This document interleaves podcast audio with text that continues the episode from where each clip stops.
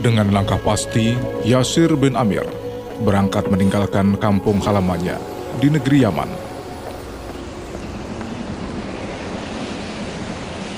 Setelah melakukan perjalanan cukup panjang, akhirnya langkahnya terhenti di Mekah.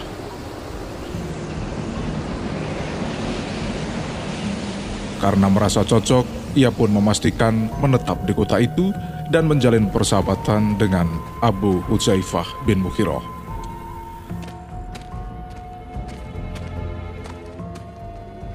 Melihat kepribadian Yasir yang cukup baik, Abu Hujaifah akhirnya menikahkannya dengan Sumayyah binti Hayat, seorang hamba sahaya.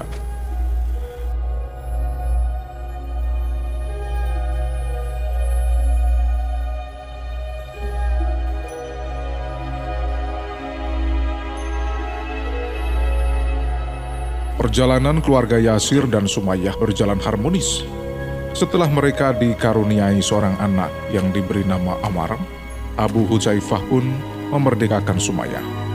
Maka sempurnalah kebahagiaan keluarga itu.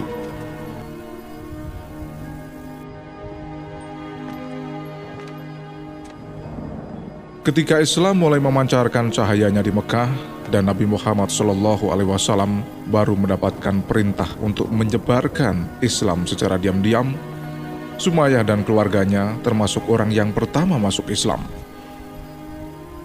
Sumayyah termasuk orang ketujuh yang menyatakan masuk Islam waktu itu.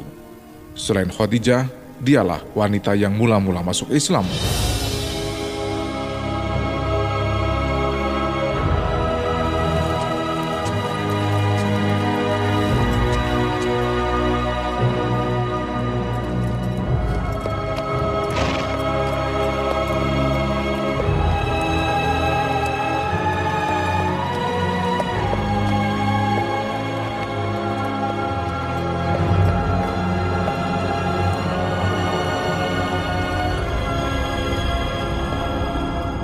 Meski demikian, karena begitu gencarnya kaum kafir Quraisy melakukan permusuhan, tetap saja di antara kaum muslimin ada yang ketahuan telah masuk Islam.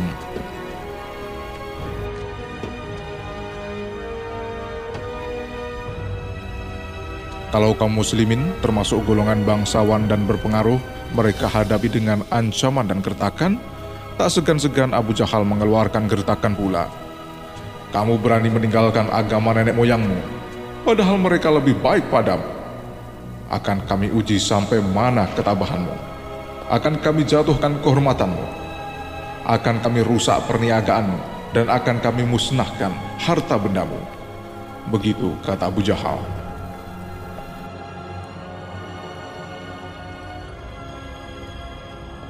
Namun, jika yang beriman itu dari kalangan orang-orang yang rendah martabatnya dan miskin atau golongan budak belian, maka mereka didera dan disiksa sekendah hati.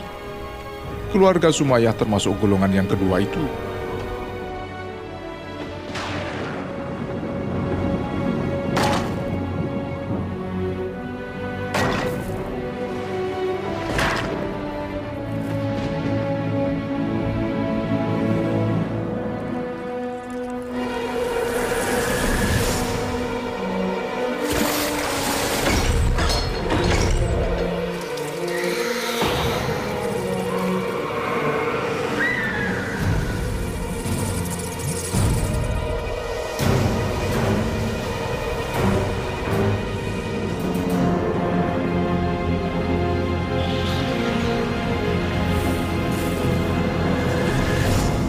Mereka adalah orang-orang yang lemah dan tidak mempunyai apa-apa.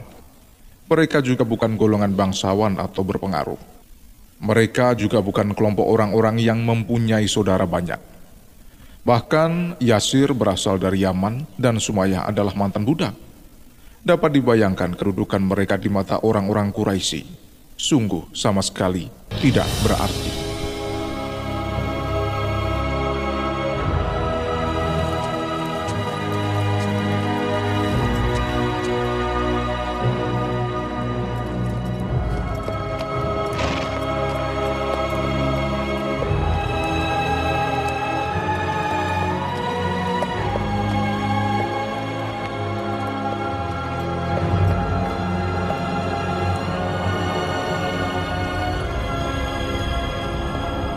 Berbeda dengan kedudukan kaum muslimin dalam Islam, di mata Allah semua orang sama. Tidak ada yang membedakan manusia di hadapan Allah kecuali keimanan dan ketakwaannya. Dengan keteguhan prinsip itulah Sumayyah berani menentang Abu Jahal. Akibatnya bukan hanya dirinya, suami dan putra tunggalnya juga menjadi sasaran kekejaman Abu Jahal.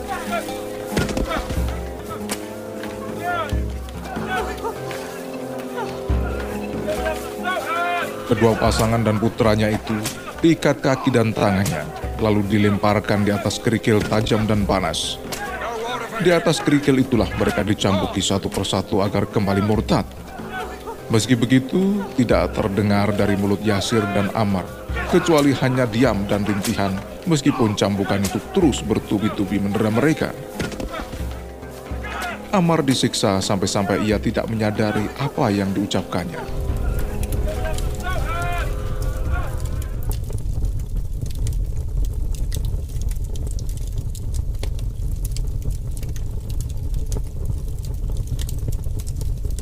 Orang-orang musyrik membakar Amar bin Yasir dengan api. Ketika Rasulullah Shallallahu Alaihi Wasallam lewat di tempat lain, memegang kepalanya dengan tangan beliau sambil berkata, Hai api, jadilah kamu sejuk dingin di tubuh Amar, sebagaimana dulu kamu juga sejuk dingin di tubuh Ibrahim.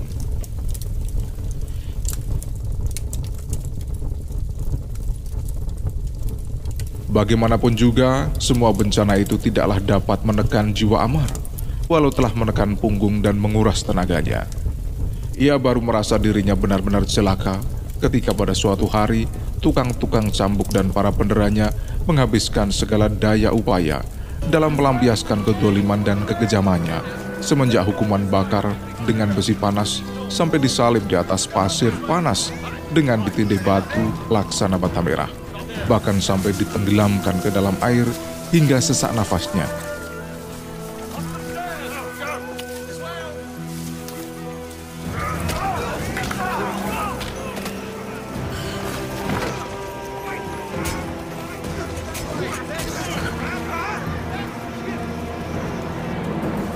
Pada hari itu, ketika ia tak sadarkan diri lagi karena siksaan yang demikian berat, mereka yang menyiksanya mengatakan, Pujalah olehmu Tuhan Tuhan kamu. Tanpa sadar, Amar mengikuti apa yang mereka inginkan. Ketika siuman, Amar menyadari apa yang telah dia ucapkan. Dia sangat menyesal. Beberapa sahabat yang mengetahui hal itu segera menceritakannya kepada Rasulullah Shallallahu Alaihi Wasallam. Orang-orang kafir itu telah menyiksamu dan menenggelamkan dirimu ke dalam air supaya kamu mengucapkan begini dan begitu. Tanya Rasulullah kepada Amr. Benar wahai Rasulullah, jawab Amr sambil meratap. Sambil tersenyum, Rasulullah Shallallahu Alaihi Wasallam bersabda, "Jika mereka memaksamu lagi, tidak apa ucapkanlah seperti apa yang kamu katakan tadi. Lalu Rasulullah Shallallahu Alaihi Wasallam membaca firman Allah, kecuali orang-orang yang dipaksa, sedang hatinya tetap teguh dalam keimanan.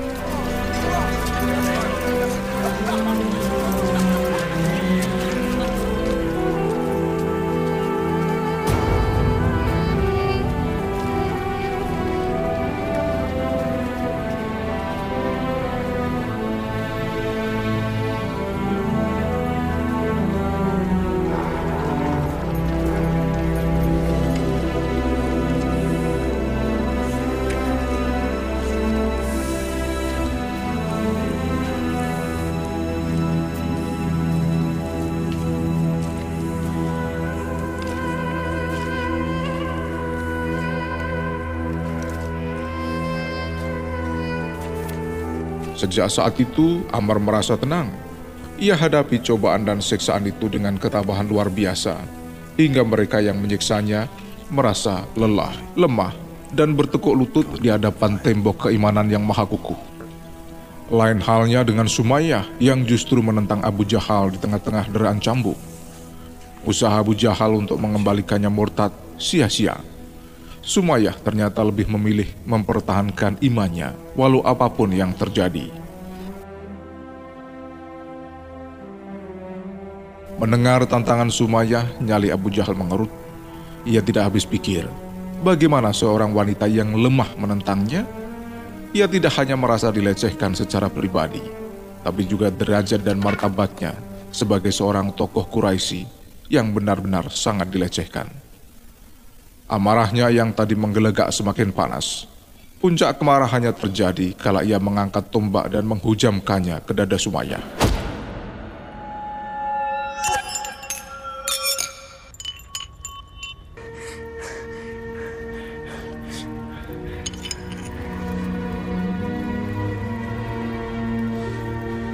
Seketika itu Sumayyah gugur.